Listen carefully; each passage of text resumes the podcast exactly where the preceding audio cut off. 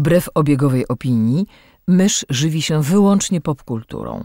Jest zwierzęciem stadnym, które lubi dzielić się tym, co znajdzie ze światem. Jej naturalnym sposobem komunikacji jest przerywany śmiechem słowotok. Słuchacie podcastu Myszmasz.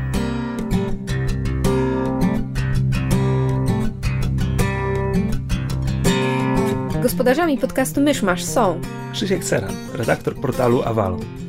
Kamil Borek ze studia Kobart. i Mysz, autorka bloga Mysza Mówi. Więc ten punkt programu nazywa się Zombie vs. Zwierz kontra Myszmasz. Mic, mic Myszmasz. To jest Myszmasz, A to jest zombie vs. a to jest Zombie vs. Bardzo nam miło Was widzieć. Tak. W przeciwieństwie do tego, że normalnie Wy nas słyszycie. Tak. I my się normalnie nie widzimy. Tak, normalnie się Próbujemy nie się umówić na nagranie w Warszawie od um, niecałego roku. 20 lat.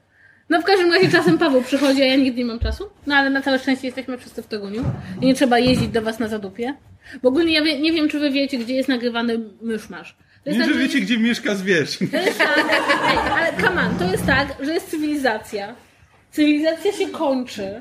I zaczyna się Zaczy- żoliborz. Zaczynają się tereny, które wyglądają jakby, nie wiem, Słodowiec. coś tam kiedyś było, ale przestało. Nie, Wchodzicie za bramę, macie wrażenie, że autentycznie zaraz wypadnie nawet ktoś z siekierą. I, I nikt nie wie, gdzie co jest. I w ogóle tam jest upadek cywilizacji, takie post-apo na żywo. Masz rację, tam jest upadek cywilizacji, dlatego że tam są studia filmowe, w związku z tym... Więc poziom- idziecie po tym post-apo i myślicie sobie koniec po prostu. A potem wchodzicie do takiego małego pomieszczenia, tam jest Myślicie myszmasz. sobie konie po prostu. Samo Jak zauważyliście, że wszystko jest śmieszniejsze, jak słowo koniec zamienić na konie? Idziecie tam i myślicie sobie konie. Nie? Nie. Przepraszamy za Pawła, Paweł pił. To było wczoraj. ale- Demokracja stwierdziła, że nie. No i w każdym razie, i to jest takie bardzo straszne miejsce, daleko, daleko, bo to przy metrze imieli, tak? Czy my już nagrywamy to? Tak. Tak, to już się Tak, nagrywa. z jakiegoś powodu, To tak. jest, to jest nasza kolekcja, w której opowiadam ludziom w jakim strasznym miejscu oni nagrywają zazwyczaj. Ale nie jesteśmy w tym strasznym miejscu. I dlatego jesteśmy razem. E, I nie mamy pomysłu. To znaczy jakby to widać po naszej konwersacji dotychczas, że nie mamy pomysłu. Przyszliśmy fantastycznie przygotowani, to znaczy stwierdziliśmy, że poprosimy Was, żebyście nam rzucali randomowe hasła i my zaczniemy potem na ten temat rozmawiać i wymyśliliśmy, że pierwszym hasłem będzie makrela. Ja lubię makrelę. Ja Makrela nie, jest ma, dobra. ja nie mam stosunku do makreli żadnego. Ja nawet nie wiem, jak smakuje makrela. Zależy, czy wędzona, czy zwykła. Ale ogólnie jakby Quality content, nie? Okej, więc jeśli, e, zabawa rzeczywiście polega na tym, że rzucacie jakiekolwiek słowo i my musimy o nim porozmawiać. Nie, nie róbmy tego. Igrzyska śmierci. Dziecko Mieszka śmieci. śmieci, myszu. Dziękujemy. Czy mamy, Zwierzu. czy mamy trzy godziny? E, nie, to znaczy ja osobiście uważam pierwszy film e, ekranizacji Igrzysk Śmierci za jedną z lepszych adaptacji pod względem jakby przedstawienia klimatu książki i przemyśleń bohaterki bez wprowadzania e, narracji za ofu. A z drugiej strony, mimo to film jakby wpadł w tę jakby nie, nie, niesławną flagę dzielenia ostatnich filmów na dwie części i jakby teoretycznie byłoby to usprawiedliwione, bo rzeczywiście tam w tej ostatniej książce się dużo dzieje, ponieważ jakby przechodzimy z tego walczenia na tak arenie dużo. do takiej, prawda, wojny podjazdowej, rewolucji i tak dalej, ale no te filmy miały jednak tendencję spadkową mimo Znaczy, wszystko. ja mam problem, bo ona tam ma, ma ten, ten taki wielki życiowy wybuch między tym pitą, tak? Tym klepkiem, Między Klepkiem a, a, a tym, drugim, tym Gailem. drugim, Gajowym. Gaila, ja wiem, że to jest motyw młodszym. przewodni, to jest właśnie gra go młody Hemsworth, znaczy jakby jest młody i młodszy Hemsworth i to jest takie straszne drewno i on tam chodzi i, i jakby ja, ja mam wierzę, że on ma jakieś emocje, a on tylko myśli, Boże, nie jestem tak sławny jak mój brat. Czyli czy to jest tak, że Hemsworth im, im młodszy Hemsworth, tym jest bardziej drewniany? Czyli on jakby oddre, oddrewnieje z wiekiem? Nie, to znaczy... To Czy znaczy on już jest drewno forever? ja nie wiem, czy ty wiesz, że jest, istnieje, jest, jest czterech Hemsworthów Jakoś tak. i oni są jak trochę jak ewolucja No Pokemona. ale tak, czy, to, czy, to, czym, czym starszy, tym y, mniej drewniany? Czy to czy nie ma takiej. Nie ma e, takiego prostego, ale jest taki, to mi się zawsze strasznie że jest taki trzeci brat Hemsworth, który to jest ogólnie dobrze wyglądający facet, całkiem przystojny, ale niestety jest bratem Chrisa Hemswortha. Znaczy, I Hemsworthowie to są jak sekwoje, no oni nie stają się mniej drewniani z czasem, ale stają się bardziej dostojni i... I wysi. Ta, no też.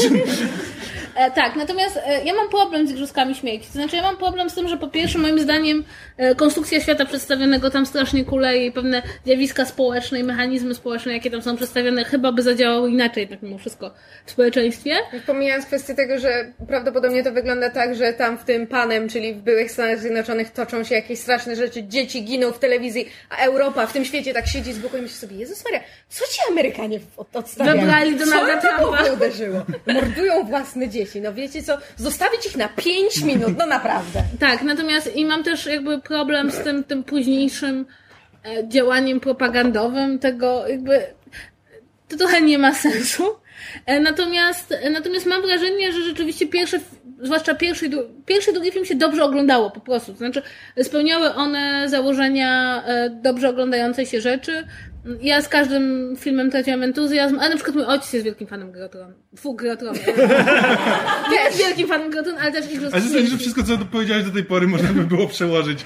Em, jest fanem Igrzysk Śmierci i właśnie jakby to jest, to jest ciekawe przejście, że ja już nie chciało mi się chodzić na kolejne części, a mój ojciec mnie dopytywał, kiedy, kiedy idziemy, kiedy kolejne Igrzyska.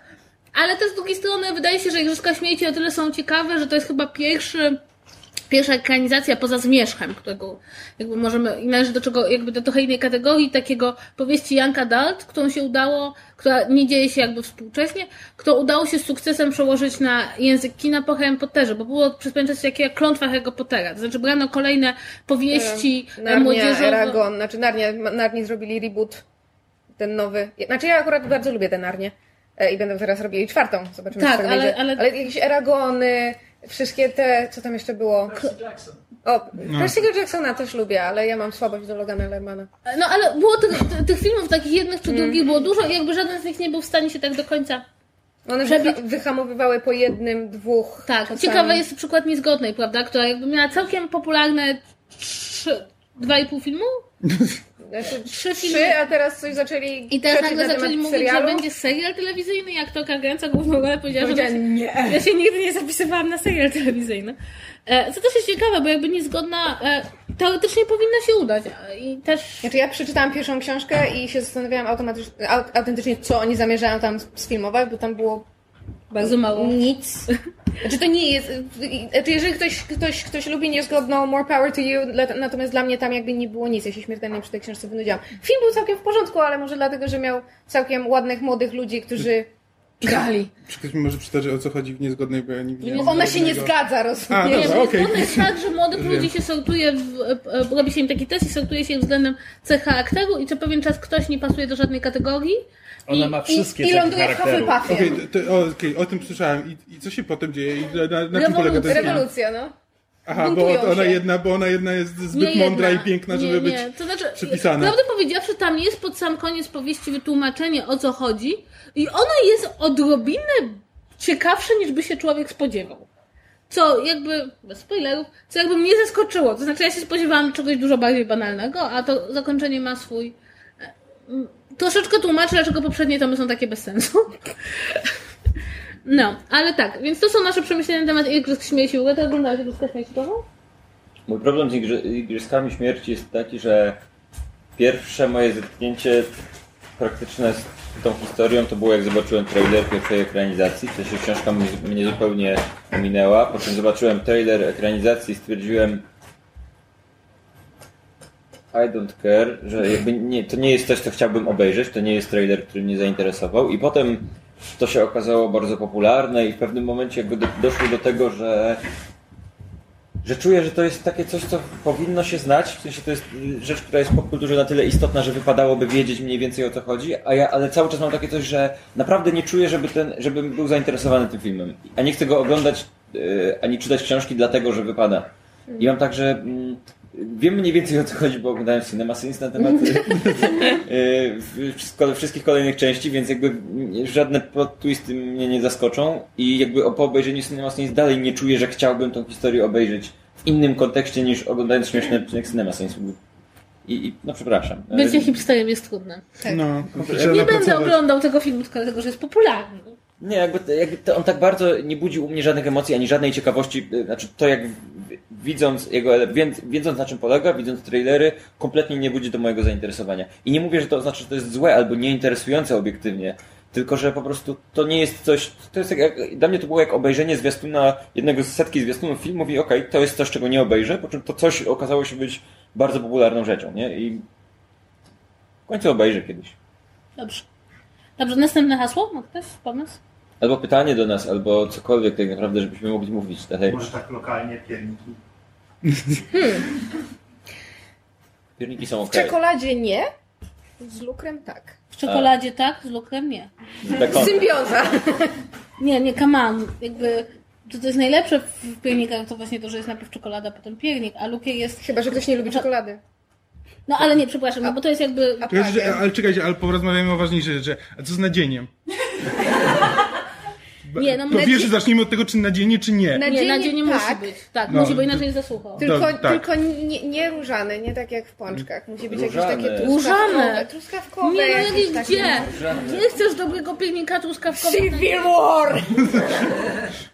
Ale chyba wszyscy zgodzimy się, że nadają się na budulec chatki, tylko wtedy trzeba piec zabezpieczyć tak, żeby tam nie dało się przy nim manipulować. Tak, i ogólnie trzeba trzymać z dala od dzieci. Bo No to tak, prostu, ale wystarczy tylko takie zabezpieczenie przed dziećmi, taki plastikowy ten wichajster. Nie, słuchaj, jak one I- mają już 3 latka, to potem potrafią to otworzyć, to jest beznadziejne. A nie lepiej rozwiesić takie sznureczki z dzwoneczkami, jak dziecko będzie A może to zjadać tylko małe dzieci?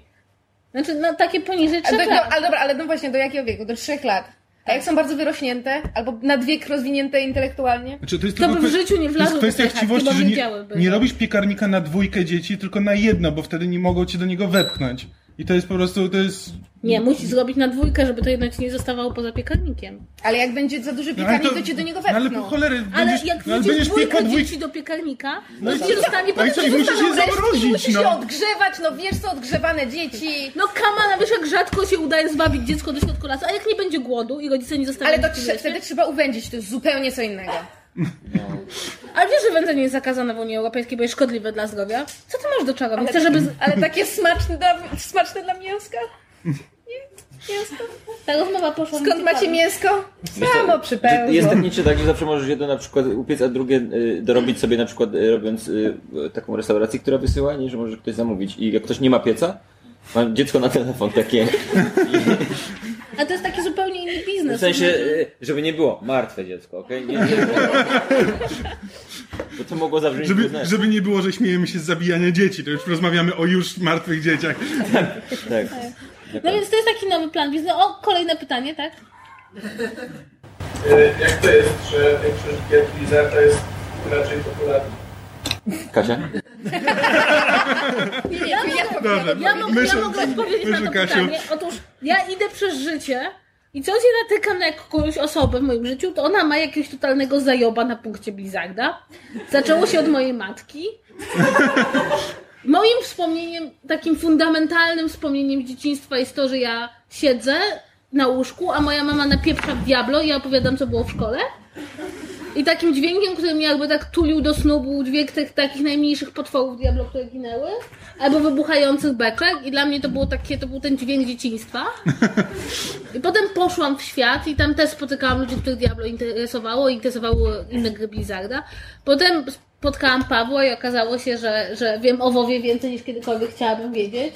I nawet wczoraj wieczorem Paweł informował mnie o WoWie bardziej niż bym chciała kiedykolwiek wiedzieć. Nas też, na piwie, dowiedzieliśmy się bardzo wiele na temat seksu w WoWie. Ja też właśnie dostałam potem skrót, prawda? Jest. E, a teraz Mateusz, jakby idę spać i słyszę, jak Mateusz zabija potwory w Diablo i to jest taki piękny, Życie zatoczyło koło. taki piękny krąg życia, więc ja myślę, że po prostu Blizzard trafia do wielu ludzi. Ale nie, ale tak naprawdę się nie znam na grach Blizzarda, poza tym, że lubię dźwięk zabijanych potworów w Diablo, no. To jest taki dźwięk dzieciństwa. Padle? Ja bym chyba to, tego szukał w tym, że e, że Blizzard to jest firma, której udało się mimo 20-letniej historii być, cały czas nie być wielką firmą. Znaczy jest dużym studio, ale nie jest Ubisoftem albo EA albo czymś takim. Znaczy to nie jest ogromne korpo, tylko to jest firma, która nadal jest złożona z ludzi, których pasją jest robienie tych gier e, i którzy i, i którzy nie wypuszczają co roku nowej gry, tylko że na te gry się czeka latami i one i to jest to nie jest masówka, mimo wszystko. Mimo, że to są mainstreamowe gry i to, to nie jest studio indie w żadnym wypadku. To są gry, które się sprzedają w jakichś rekordowych em, ilościach e, kopii, kopii ale, e, ale to nadal są gry, na które no jest to takie słynne, że z reguły jak Blizzard zapowiada grę, to data premiery jest opisana jako when it's ready i jeszcze jest trademark obok, bo jest jako, znane jako, jako blizzardowe hasło. I te gry są, nie mają określonych dat, dat premier. Dopiero jak skończą nie wiadomo ile lat później, to mówią, ok, ta gra wychodzi. Więc wydaje mi się, że to jest, to jest kwestia tego. Jak, jeżeli zastanawiacie się, dlaczego Blizzard robi dobre gry, które jakby wszystkie stają się praktycznie fenomenem i mają y, fanów, którzy są bardzo zaangażowani w te gry, to y, najlepszym sposobem na sprawdzenie, dlaczego tak jest, jest obejrzenie zdjęć z ich siedziby, gdzie tam wszędzie są podręczniki do RPG-ów, klasyczna literatura, fantazy, gadżety, po prostu to jest takie miejsce, to jest taki nerdgazm totalny, jak widzicie, jak wygląda ich siedziba. I to są goście, których to jara. To są goście tacy, którzy przyjeżdżają na konwenty. I to jest tak, jakbyśmy my sobie robili gry. I to jest fajne. Znaczy, też wydaje mi tutaj. się, że Blizzard też jako nie wiem, o- pierwszy albo jeden z pierwszych przynajmniej udało mu się jakby opracować taki mechanizm uzależnienia, to co, w- to co w tym momencie jakby gry mobilne jakby robią z tego biznes model, że po prostu robisz grę, która po prostu macie wessać kompletnie do, do swojego świata, jakby najpierw, najpierw dawać ci wiele, wiele, wiele nagród, żebyś się no, potem powoli te nagrody zabiera i wydziela ich coraz, coraz mniej, bo tak na tym, na tym było zbudowane Diablo, na tym jest, no, World of Warcraft też będzie zbudowany. Jakby też, i też mają czas na to, żeby to wszystko dopracować i jakby usiąść na tym i pomyśleć, co zrobić, żeby jakby człowiek, jak już raz wejdzie, to żeby coraz odkrywał kolejne nowe rzeczy. I przynajmniej oni, oni jako studio mają czas na to, żeby sobie pozwolić i dopracować każdą rzecz tak, żebyś w żadnym momencie nie miał, nie czuł tego przesytu, no, tak jak nie wiem, Assassin's Creed, no to jak grasz, jak grasz w Assassina, to w którymś momencie się orientujesz, że okej, dobra, robisz to samo i nic w sumie z tego nie masz. Jakby Blizzard jakoś z tego wybrnął metodami tylko sobie znanymi czarną magią. Blizzard ma tą taką politykę, która się pojawia w każdych grach, czyli easy to learn, hard to master, że te wszystkie gry są bardzo proste do zrozumienia i wejścia, mają bardzo niski próg wejścia, e, ale, ale mają bardzo duży potencjał, że jeżeli spędzisz odpowiednio dużo czasu, to wchodzisz na bardzo, bardzo wysoki poziom. I tu na przykład, tu jest, tu jest kwestia, która na przykład według mnie jest dużo lepiej zrobiona w Blizzardowym Heroes of the Storm niż w League of Legends, który jest, to jest ten sam gatunek. Znaczy jak ja po raz pierwszy usiadłem do League of Legends, to poczułem, że ta gra mnie bije po twarzy. Że ja jej nie rozumiem i ja muszę poświęcić najpierw dużo czasu, zacisnąć zęby i poświęcić dużo czasu, żeby zrozumieć, co tam się dzieje, po to, żeby w nią grać. A u Blizzarda to wszystko jest takie, takie lekkie, takie lekkie wejście. Te, te, ta gra ci mówi na początku, zobacz, World of Warcraft, las, motylki, proste zadania. Przynieś 10 dób Przynieś warszlaków. coś tam, wszystko zrozumiesz. Ludzie ci mówią, idź tu do tego, widzisz tego pana tam parę metrów dalej, porozmawiaj z nim. Wszystko jest takie prościutkie. Grasz sobie, grasz, grasz, grasz, no a potem y, budzisz się kilka miesięcy później, będąc w grupie rajd- rajdowej, gdzie twój y, raid leader krzyczy na ciebie, bo coś źle robisz, i bo próbuje cię zabić tego smoka, którego zabiło tylko 1% graczy na całym świecie. I w tym momencie uświadam sobie, że hej, kiedy to się stało? To mój ulubiony odcinek The Big Bang Theory, który przestałam oglądać wyjątkowo późno, biorąc pod uwagę jak spadła jakość serialu, to jest ten odcinek, w którym, w którym Penny zostaje wciągnięta w świat gier online. W pewnym momencie się orientuje, że jest po prostu cała, że tak powiem, siedzi w piżamie z resztkami chrupków na bluzie, nie spała od 36 godzin i po prostu właśnie zamierza pójść na, na wirtualne piwo z, z Howardem, którego w prawdziwym życiu nie cierpi. I słuchajcie, nigdy nie czułam silniejszej więzi z postacią w serialu niż w tamtym momencie, mimo że w ogóle nie gram w tego typu gry. Raczej jest, że tak powiem, z braku czasu niż z braku chęci. Ja Tak, po prostu... ale, ale jak już zaczynasz, to jak mysz zaczęła grać w, w Heroesów piątkę, to, to zasadniczo zniknęła na parę tygodni i... Tak, znaczy ja nie gram w gry z bardzo konkretnego, świadomego powodu, to znaczy ja wiem, że jak ja usiądę, ja nie umiem przestać. To nie jest tak, że jestem stare w stanie, e, prawda, po, po, pochodzić sobie na rajdy parę, parę godzin w WoWie na zasadzie wracam z pracy, a to dwie godzinki sobie pochodzę na jakieś rajdy, coś porobimy i potem skończę. Nie, ja po prostu, wiecie, tak to wygląda. Więc świadomie się trzymam z daleka od gier. hardkorowym graczem, y, ten... y, Okazjonalnym. W, skó- w skórze casuala. No. Mnie to po prostu nie bawi. O, okej. Chciałem tylko powiedzieć, że twój narzeczony boostuje mnie w Diablo. Nie wiem, czy wiesz o tym. Ja nie wiem, jakby to jest, to jest jakieś zdanie, którego ja nie rozumiem i się go trochę boję. Ale tak, to prawda.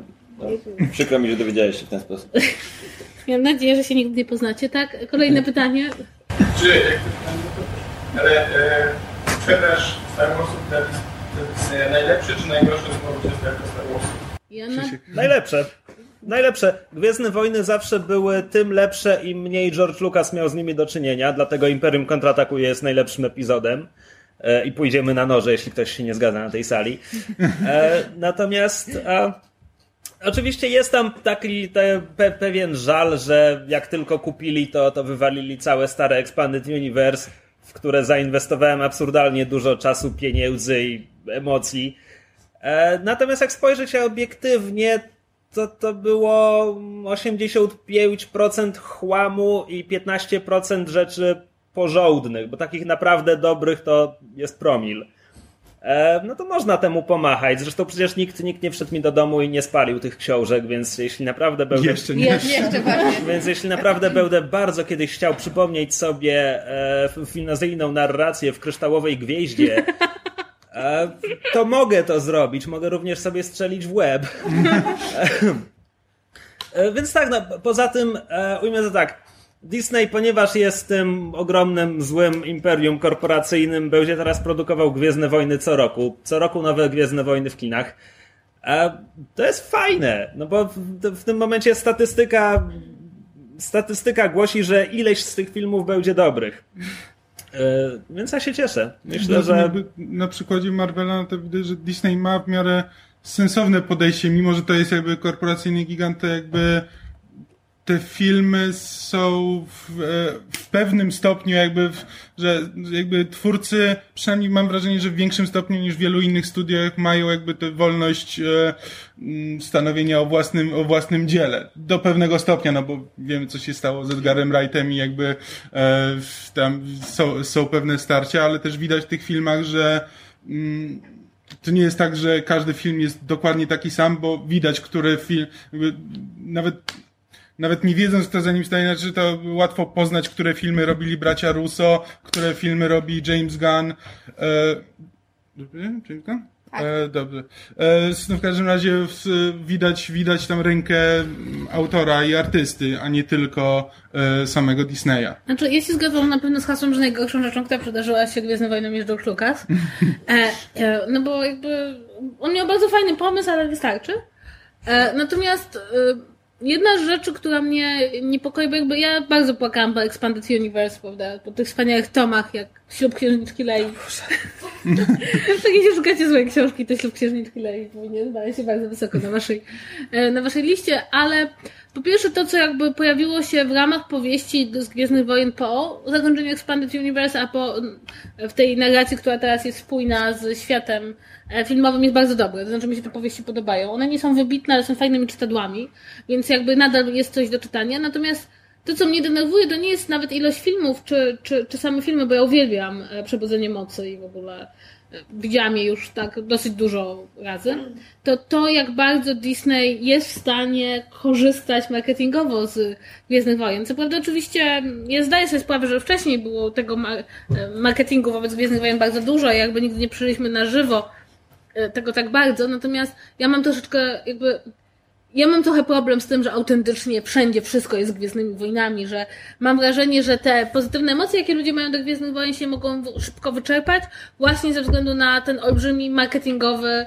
marketingowy atak, który przypuścił Disney na wszystkich frontach. To znaczy, autentycznie w okolicach e, e, przebudzenia mocy, no jakby brakowało tylko parówek z Ewoków. No, to znaczy, Niby tak, ale ludzie to samo mówili jakby rok w rok mówią o Marvelu, że o już to już jest przesada i już ludzie będą mieli tego dosyć i jakby każdy kolejny film jest jeszcze bardziej popularny od poprzedniego mimo wszystko. Znaczy, ja nie mówię- wiem w jaki sposób mówię, się dzieje. Ja, ja nie mówię, że, że to E. będzie mniej popularne, bo ja mam wrażenie, że popularność będzie duża, ale na przykład ja e, widzę, Ale czy w że... momencie, kiedy bo Krzysiek mówi, że fajnie, że rok w rok będą nowe Star Warsy i że jednak będą różnorodne, no bo prawda, one się będą wymieniały co tak. dwa lata, że to będą, prawda, główna linia fabularna i potem te historie em, nie alternatywne, tylko jakby te poboczne.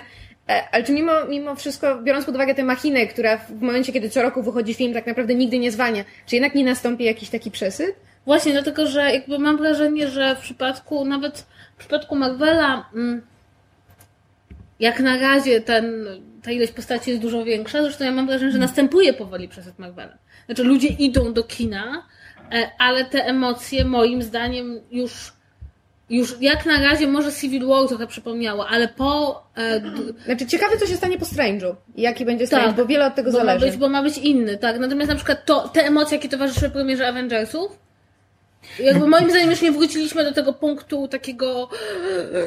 Ja mam wrażenie, że prowadziliśmy dokładnie tę samą rozmowę przed, e, przed Civil Warem, jakby w naszym podcaście. I... Nie, ale jakby nie, nie chodzi mi o to, czy filmy się spodobają, czy nie, bo ja mam wrażenie, że w ogóle ten marketing jest kompletnie niezależny od filmów. Tylko ja, e, no, powiedzmy sobie szczerze, nawet Gwiezdne Wojny co roku, no ile lat, ile lat można snuć tą historię, prawda? Jakby podejrzewam, że ta nowa główna trylogia, no to jest okej, ale czy będziemy te, też bez wymiany bohaterów, bez wymiany wątku, to może się bardzo, bardzo źle skończyć. Inna sprawa jest taka, że na razie mieliśmy jeden film, który był dobry, bo był nową nadzieją, tylko lepszą. I pytanie, co będzie, kiedy naprawdę, wiesz, kiedy naprawdę te scenariusze będą kompletnie niezależne. Poza tym wydaje mi się jeszcze do tego wszystkiego, że ludzie mają cały czas niedosyt Gwiezdnych Wojen. To znaczy, to jest tylko sześć filmów, prawda? To jest bardzo, znaczy, oczywiście są książki, gry komputerowe i to wszystko, ale na razie to tylko sześć filmów. Natomiast jeśli chodzi, jeśli chodzi... Istnienia nie akceptujesz? Myślałem, że są tylko cztery filmy. Przepraszam, siedem. Tak. Albo cztery, jak zależy. Cztery. Albo cztery. natomiast, natomiast nadal to jest dosyć mało, nawet na. Mm, zwłaszcza, że biorąc pod uwagę, kiedy była pierwsza trylogia, prawda? One się jakby nigdy nie zebrały, nie skumulowały w czasie. No zobaczymy. No też to zależy od jakości tych, tych e, odcinków. produkcji. Znaczy nawet nie kolejnych produkcji, bo jakby tam główna trylogia to e, prawdopodobnie będzie coraz popularna, zależy od tego i pewnie będzie stała na dosyć wysokim poziomie, zależy od tego jak wyjdzie, jak wyjdą te części, które są pomiędzy. Właśnie te z, czy, bo one właśnie, one mają za zadanie trochę jakby odwrócić uwagę, jakby dać ci coś innego w świecie Star Warsów, ale żebyś miał trochę, można było odpocząć od tych postaci, które jakby znasz, znasz z głównej trylogii. I jeśli to jakby wyjdzie i rzeczywiście będzie ciekawe i będzie czymś innym, no to właśnie to może ludzie się nie zmęczą, tak jakby to będzie taka chwila wytchnienia, że będzie można dłużej męczyć ten, ten główny, e, tą główną linię A fabularną. słuchajcie, czy wy wiecie, kogo Mads Mikkelsen gra w Watch 1? Są ploty po internecie, chyba nawet niepotwierdzane. Ja nie chcę mówić, bo ktoś jeszcze uzna, że spoiler. Nie możesz. Nie możesz kogo gra? Bo ja nie, go nie mam w materiałach promocyjnych. Ja, Czwart, czwartoplanową postać e, o- ojca tej, tej głównej bohaterki. właśnie. żartujesz. No to ja też Nie. tak słyszałam, że grają Co? ojca. No takie są ploty. Pojawi się na minutę i umrze. Tak? Ale jest właśnie, że pojawi się na minutę i umrze?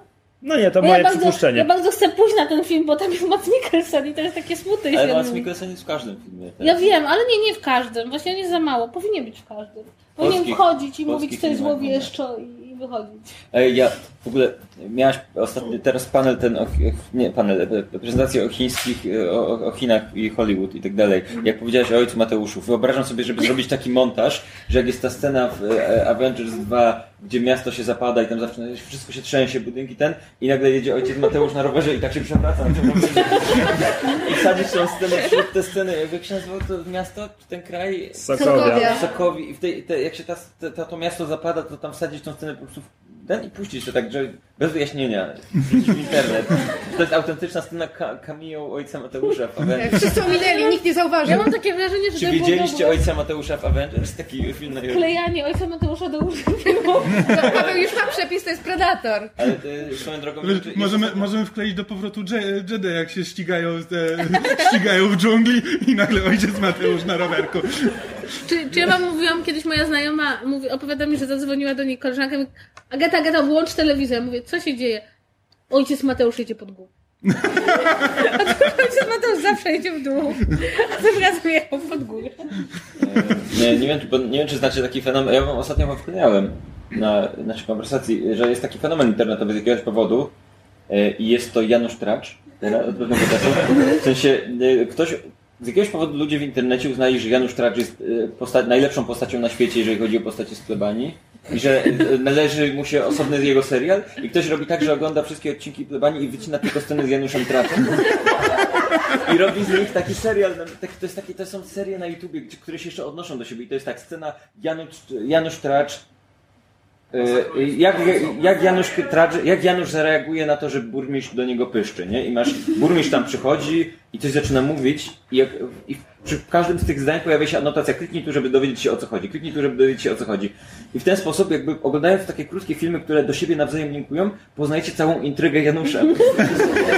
To jest takie tworzy się taki Janusz Tracz Cinematic Universe. To jest, taki, to jest jak, jak te powieści y, paragrafowe. Janusz Tracz pierwszy swojego jak, imienia. Jaką, jaki element historii chcesz pokazać teraz? I masz tam trzyminutowy filmik, który gdzieś się odnosi do jakiejś... i Nie oglądasz tego chronologicznie, to tak jakby... To jest, jak, to jest dosłownie jak jakieś indie gry. Jak ta gra, w której się to przesłuchanie... y, Te, te Her Story. przesłuchanie- Tak, Her Story. y, To jest mniej więcej coś takiego, tylko to jest Janusz Story. To jest, to jest doskonałe, naprawdę. Wpiszcie sobie Janusz Tracz na YouTubie, jest jakby dzień, dzień wam minie cały. Słuchajcie, ja myślę, że Kilka. popatrzymy na interwencję. Musimy zainterweniować, żeby Paweł nie oglądał. Tak, pa Paweł, Paweł od niedawna ma telewizję i bardzo, bardzo jesteśmy zaniepokojeni Tak, tym bardzo. ewolucją. Tak, Akurat kierunkiem, w jakim to idzie. więc- Strać jest najlepszą postacią serialową w polskiej telewizji. Tak, Nie, to jest Ja w niesamowite. ogóle... I on jest najlepiej chyba napisany i zagrany też. bo To jest zło. Ej, widzicie, to, to się dzieje. sam jest bardzo, bardzo praktykujący ultrakatolik. What have we done? Słuchajcie, bo muszę zobaczyć, jak Janusz Tracz wygląda. A wy, ty w ogóle wiecie, o co, kim jest Janusz Tracz? czy Nie mam Nie. pojęcia. Janusz Tracz Wiesz, że ja nie jest, oglądam tego, co tym jest rzucasz. serial Plebania i w serialu Plebania jest... Wow. W, w serialu Plebania głównym bohaterem jest ksiądz proboszcz i Janusz Tracz jest... Poczekajcie, bo my czytamy hasło o Januszu Traczu na Nonsensopedię. Te, już oni przejęli nasz plan. Jaki on jest zły, ale jak on zna tą całą. To Tak, to, to jest w tym serialu, jak głównym bohaterem jest ten proboszcz, to, to ta, Janusz jest takim jego jakby, to jest dokładne przeciwieństwo proboszcza. Ma bardzo dużą, y, proboszcz jest dobry i miły, Janusz Tracz jest zły i jest antyklerykalny i ma ogromną wiedzę o kościele i jego misją jest walczenie z nim. Jest taką ewi, A ewi to on postacią. go zabije?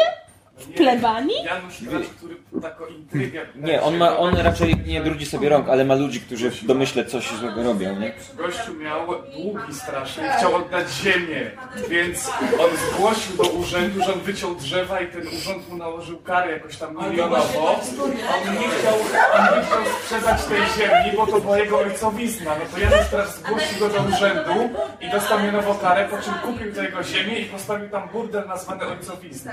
To po prostu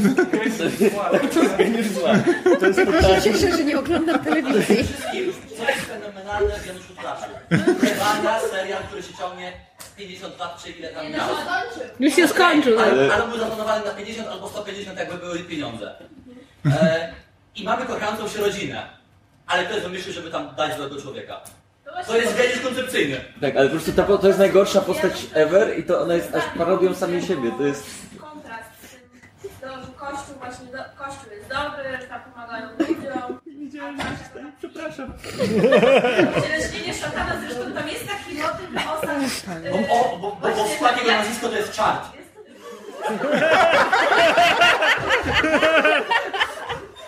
Ogarniacie.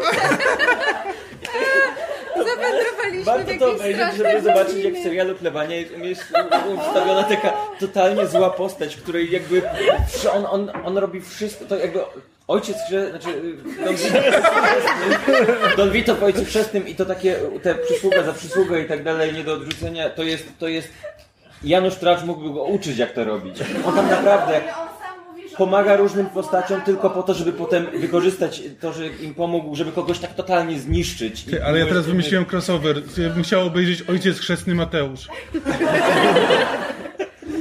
Kazimierska mafia, czy gdzie oni tam mieszkają. Ale jakby ojciec Sandomierska Mateusz Sandomierska z mafia. Januszem Traczem na przykład, Wow, to by było cudowne. Ojciec Ludzie z- Mateusz wi Janusz Tracz. Tak, ludzie z plebanii nie mogą wytrzymać Janusza Tracza, proszą o pomoc ojca Mateusza i po prostu oni...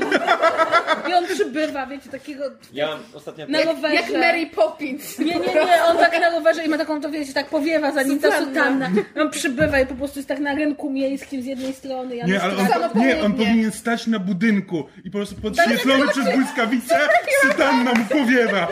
I on zeskakuje i robi superhero landing. I tak wszyscy by kibicowali Januszowi Traczowi. Znaczy ja myślałam, że polska telewizja, polskie kino nie jest w stanie stworzyć złego czarnego bohatera, ale ja widzę, że tutaj, że Oni tutaj stworzyli i nie zabili przez 15 lat. To jestem, Ale jestem to pod brzmi jak, to brzmi To jak lepszy zły niż jakikolwiek zły z filmów To wyszło, Marvela. ale to, wyszło, to, to wyszło przez przypadek, jakby to kompletnie nie jest ten... Tak, ale on jest lepszy i to, ale to mówię wam, to wyszło totalnie przez przypadek w tym serialu. To kompletnie przez przypadek stworzyli fenomen Ale popkulturowy. ja, ja mam pytanie, bo plebania się skończyła. Czy, czy, czy Janusz Tracz został ukarany, czy piekło go pochłonęło? Nie. Po prostu przerwali nagrywanie serialu, urwa, wątki zostały urwane, bo y, nawet nie wiadomo kiedy, co jak tam Ale ma syna Janusza Juniora i... A czy ostatnie lata plebanii to były bardzo ładne poprawki nieżyjącej osoby. Okay. Czy innymi słowy nie wiemy, co się stało z Januszem Traczem? Żyje. Czy może być między nami? Ktokolwiek widział, ktokolwiek wie. I on go trenuje na Bo jego matka, ona tak Konstancję, bo oni się tam poznali na Nie, jego matka była What happened? What happened? Where did we go wrong? Ja proponuję zaraz... Jest, jest ręka w górze. I Ona chciała go, ona, ona chciała go zabić, tak? Chciałabym powiedzieć, że jestem pod wrażeniem, bo ja myślałam, że inne seriale są najbardziej popularne, ale to jest świetnie pani.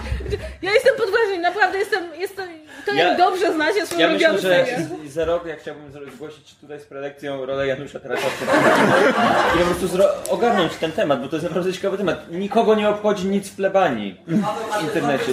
Nobody cares. Prowadzili Żmijewskiego i on przez jeden sezon, znaczy przez rok, był zły, a później stał się dobry. Janusz Tracz, ile to, ile trwa plebania? 20 lat. Jest wierny swojemu złu. Przejdźmy dalej. Słuchajcie, Przejdźmy to dalej. jest świetny temat. Na następnym Kopernikonie będzie specjalny panel o Januszu Traczu i porozmawiamy sobie o fenomenie tej postaci. Kolejne pytanie. E, Czy filmy z polskim dubbingiem bywają śmieszniejsze? Tak, oczywiście. Następne pytanie. Następne pytanie. Znaczy nie, e, umówmy się, e, ja akurat jestem tutaj w, e, mam wrażenie w mniejszości, to znaczy ja jestem jedną z tych osób, które jak uprawiają e, t- t- tortury na własne życzenie i, i czekają aż film, e, film, filmy animowane wyjdą w, w Polsce z angielskim dubbingiem, czyli muszę poczekać na DVD. I nie chodzę do kina na polski dubbing nie dlatego, że uważam, że są gorsze, tylko dlatego, że bardzo lubię poznawać oryginał, zanim poznam polską wersję. Dlatego, że bardzo często poznawszy polską wersję, potem się odgórnie uważa, że polska jest lepsza. Także dlatego, że po prostu bardzo często jest e, zrobiona pod polskie poczucie humoru. I są filmy, tutaj mówimy przede wszystkim o Disneyu, dlatego że Disney od właściwie z początku wychodzenia w Polsce ma bardzo dobrą jakość tłumaczeń i bardzo dobrą jak- jakość dubbingu. To znaczy od czasów, prawda, Królewny Śnieżki aż do teraz, tej, prawda, oryginalnej, zagubionej e, ścieżki dźwiękowej, która już, już chyba nie istnieje. Znaczy ona istnieje i nie jest zagubiona, tylko po prostu głupi Disney uznał, że cudowny dubbing nakręcony w 1938 Tak. roku jest zbyt staroświecki. Ale tam takie piękne, takie wiecie, to takie przedwojenne elm. L- tak, lwowskie L. Jest autentycznie i ten dubbing był fenomenalny. Jakby ja mam jeszcze kasetę VHS z tym starym dubbingiem, po prostu nie jestem w stanie oglądać nowej. Niestety, Uciekasz, kiedy, kiedy, uciekasz filmy, przede mną? kiedy filmy wychodzą po raz kolejny, kiedy są na przykład rocznice, tam, prawda, 25 czy 50, Disney bardzo często robi e, kolejną wersję znaczy po prostu robi Nowy dubbing. ten nowy dubbing i nowe tłumaczenie, co też jest jakby problematyczne, no bo nie chodzi nawet o to, że zmieniają się głosy, tylko zmieniają się też dialogi. Ale są takie filmy, które są po polsku porównywalne do wersji angielskiej, jeśli nie śmieszniejsze. Em, jednym z przypadków, kiedy polska wersja jest e, 200% lepsza niż angielska, jest film Lilo i Stitch. Dlatego, że film Lilo- i Stitch po angielsku bardzo em, jakby, em, ponieważ dzieje się w, na, na Hawajach, bardzo sztywno trzyma się jakby tej kultury i tamtego jakiegoś takiego, nawet nie tyle poczucia humoru, ile takiego właśnie stylu życia i sposobu wysławiania się i nie dla wszystkich jest to zrozumiałe. Natomiast po polsku jest to film absolutnie uniwersalnie zabawny. W związku z tym jest, przynajmniej dla polskiego widza, jest 200% bardziej śmieszny niż i, i, i taki ujmujący i poruszający niż, niż wersja oryginalna. I żeby było śmieszniej, znaczy ja jestem z tej, e, że tak powiem, grupy, która uważa, że najlepsze współczesne dubbingi bajek Disneya zrobił mimo wszystko Bartosz Wierzbięta i jakby nie chodzi nawet o, o, o to, co zrobił w Shrek, bo on już jakby wcześniej tłumaczył i wcześniej tłumaczył bardzo dobrze. Tutaj przykładem są chociażby Nowe Szaty Króla, które są Świetnie pierwszym filmem, który, te, te, pierwszym takim znanym e, filmem animowanym, e, który zaczął robić chyba, od tego się zaczęła jego współpraca z Disneyem, od tych takich właśnie, znaczy przy tych kasowych tytułach. On teraz tłumaczy wszystko. Tłumaczył też Zootopię ostatnio, czyli Zo, Zoopolis. po Ale jest? Zootopia jest nieźle przetłumaczona. Zootopia jest bardzo dobrze i jest fantastycznie zdubbingowana, tylko żeby było śmieszniej. Mówi się, że Wierzbięta jest jednym z, z takich lepszych tłumaczy. Żeby było śmieszniej, on odpowiada jednocześnie za najlepszy i najgorszy, em, najgorsze tłumaczenie, najgorszy dubbing w historii filmów animowanych. Em, przynajmniej tych takich nowożytnych, mianowicie Rise of the Guardians, Strażnicy Marzeń, o tam Jezus Króliczku Wielkanocnym, Świętym Mikołaju, Wróżce Zębuszce i tak dalej. Em, I żeby było śmieszniej, jedyna różnica między tymi filmami, które on robił dla Disneya, które były dobrze zrobione, a tym filmem, jest reżyser dźwięku, co jakby tylko i wyłącznie udowadnia, jak ważną rolę odgrywa nie tylko tłumacz, ale właśnie reżyser dźwięku, czy na przykład osoba, która dobiera, dobiera aktorów do, do filmu, czyli, prawda, casting director. Więc owszem, są takie filmy i żeby było śmieszniej, wydaje mi się, że takie um, podejście przepraszam, hałasuję, e, takie podejście, że filmy, e, fabularne filmy aktorskie, które są dubbingowane na, na, na rynek polski w bardzo wielu wypadkach, czyli na przykład właśnie filmy Marvela, ludzie są, znaczy przeciętny, prawda, Kowalski pójdzie do kina i jemu jest wszystko jedno, czy pójdzie na lektora, czy napisy, znaczy na, czy na dubbing, czy na napisy i zazwyczaj o wiele chętniej chodzą na dubbing, bo nie chce im się czytać. Natomiast wśród, mam wrażenie, takich nerdów i geeków jak my na sali, to jest takie podejście na zasadzie, Jezu, dubbing jest zawsze kijowy, bo przecież, prawda, kto byś miał podkładać głos, prawda, Samuela L. Jacksona, albo Roberta Downeya Jr., albo, albo, Alana Rickmana. albo Alana Rickmana w Harry Potterze. I że to są po prostu rzeczy, których się nie godzi robić. I ja jakby zgadzam się z tym, że dubbing pewne rzeczy spłyca, to znaczy jakby fakt, że zabieramy aktorom, którzy grają w filmie jeden z ich środków aktorskich, czyli właśnie, prawda, sposób wysławiania się, akcentowanie, dykcje, emocje, które w to wszystko wchodzą. Jest w tym racja, co nie zmienia faktu, że mam wrażenie, iż istnieje takie jakby odgórne założenie, że polski dubbing filmów aktorskich jest zawsze zły. A to nie jest prawda, bo kiedy się obiektywnie porówna między sobą polskie wersje dubbingowe filmów aktorskich albo z angielskim oryginałem, one bardzo często są bardzo dobrze, rzetelnie zrobione, tylko po prostu mamy jakieś takie przeświadczenie właśnie z tych gorszych przykładów typu, prawda, Zatkao kakao w torze, czy różne inne Batman twoja stara, mamy takie przeświadczenie, że to jest zawsze źle zrobione, a to nie jest do końca znaczy, prawda. Ja nie mówię, że to jest źle zrobione, tylko... Nie, nie, nie, ja nie, ja nie, nie ale chodzi o to, że ogólnie. na przykład moja... Bo ja uważam, że w animacjach dubbing jest dobry, dubbing jest słuszny i rozumiem, że filmy animowane się dubbinguje między innymi dlatego, że są kierowane do młodych ludzi. Tak. Chociaż muszę... Przede wszystkim wydaje mi się, że filmy animowane dubbinguje się dlatego, że to nie są prawdziwi aktorzy.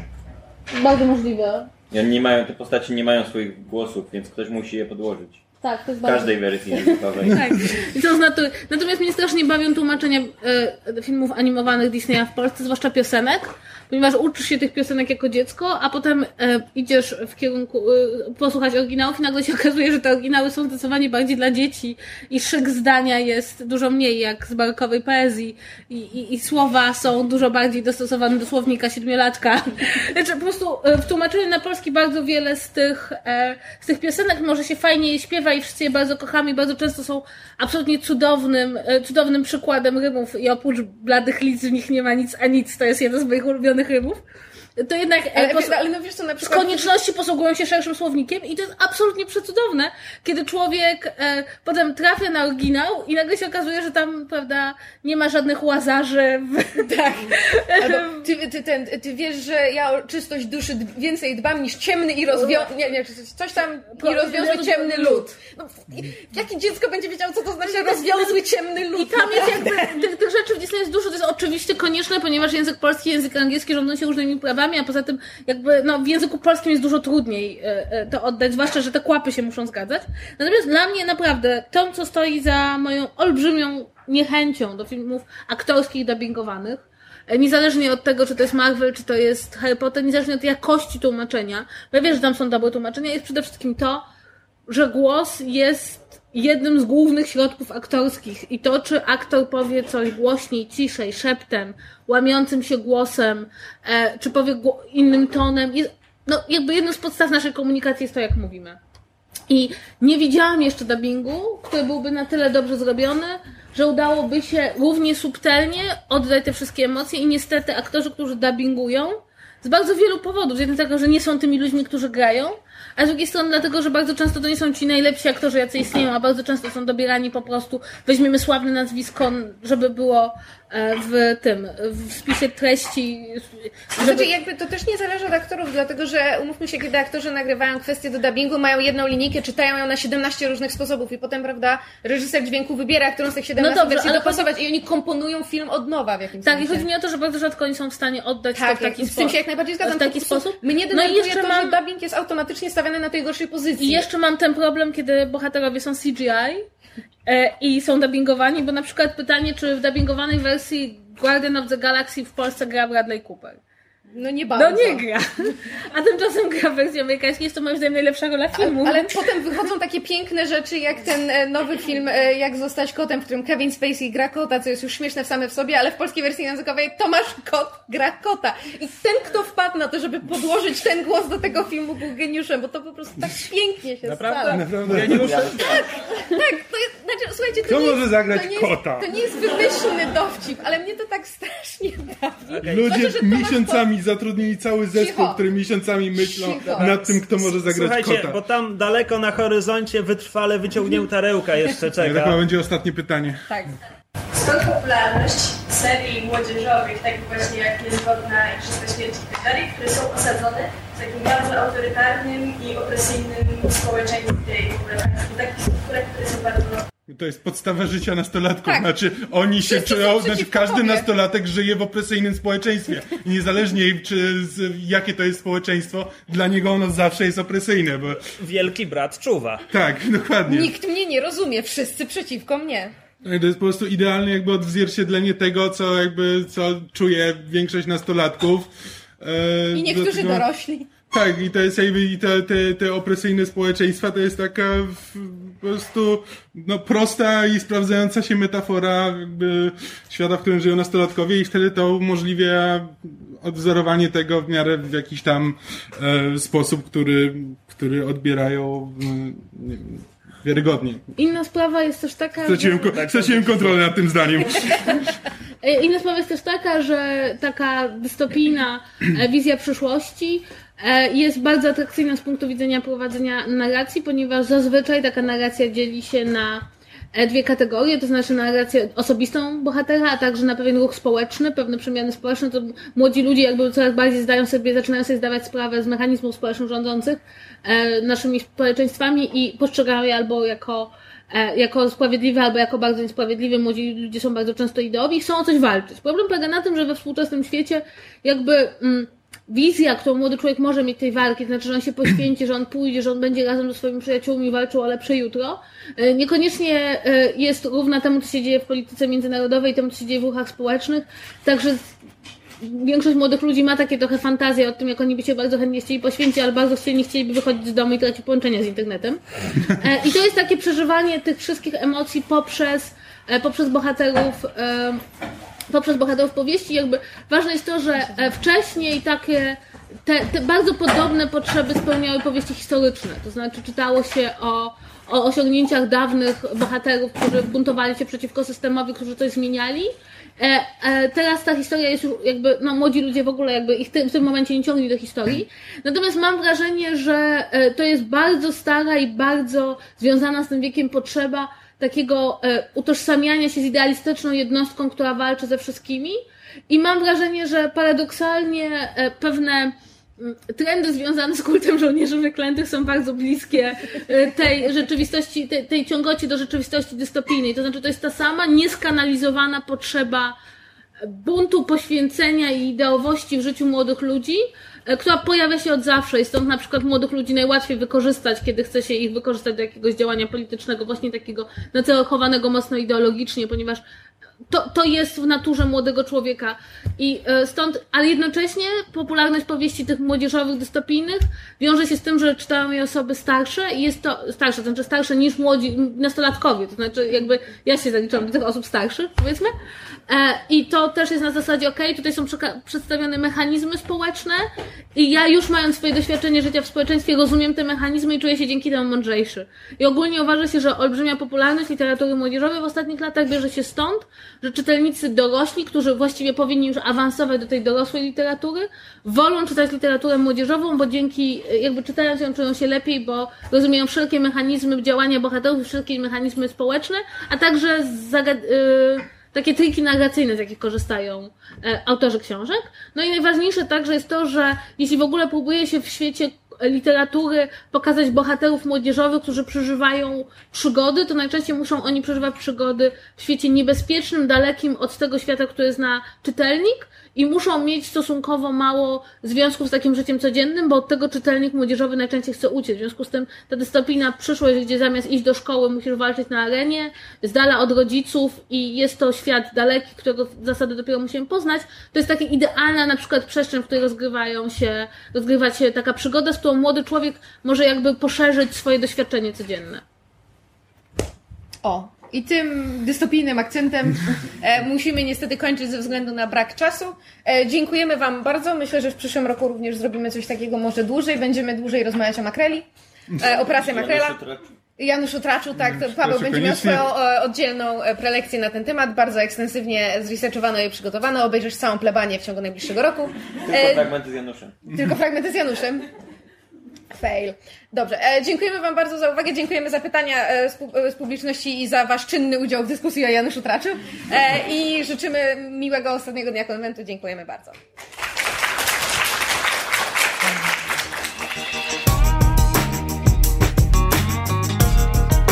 Słuchaliście podcastu Myszmasz. Możecie nas znaleźć na myszmasz.pl lub polubić nasz fanpage na Facebooku. Możecie nam także wysłać maila na myszmaszpodcast.gmail.com Jeśli do nas napiszecie, będziemy szczęśliwi jak wędzona makrela.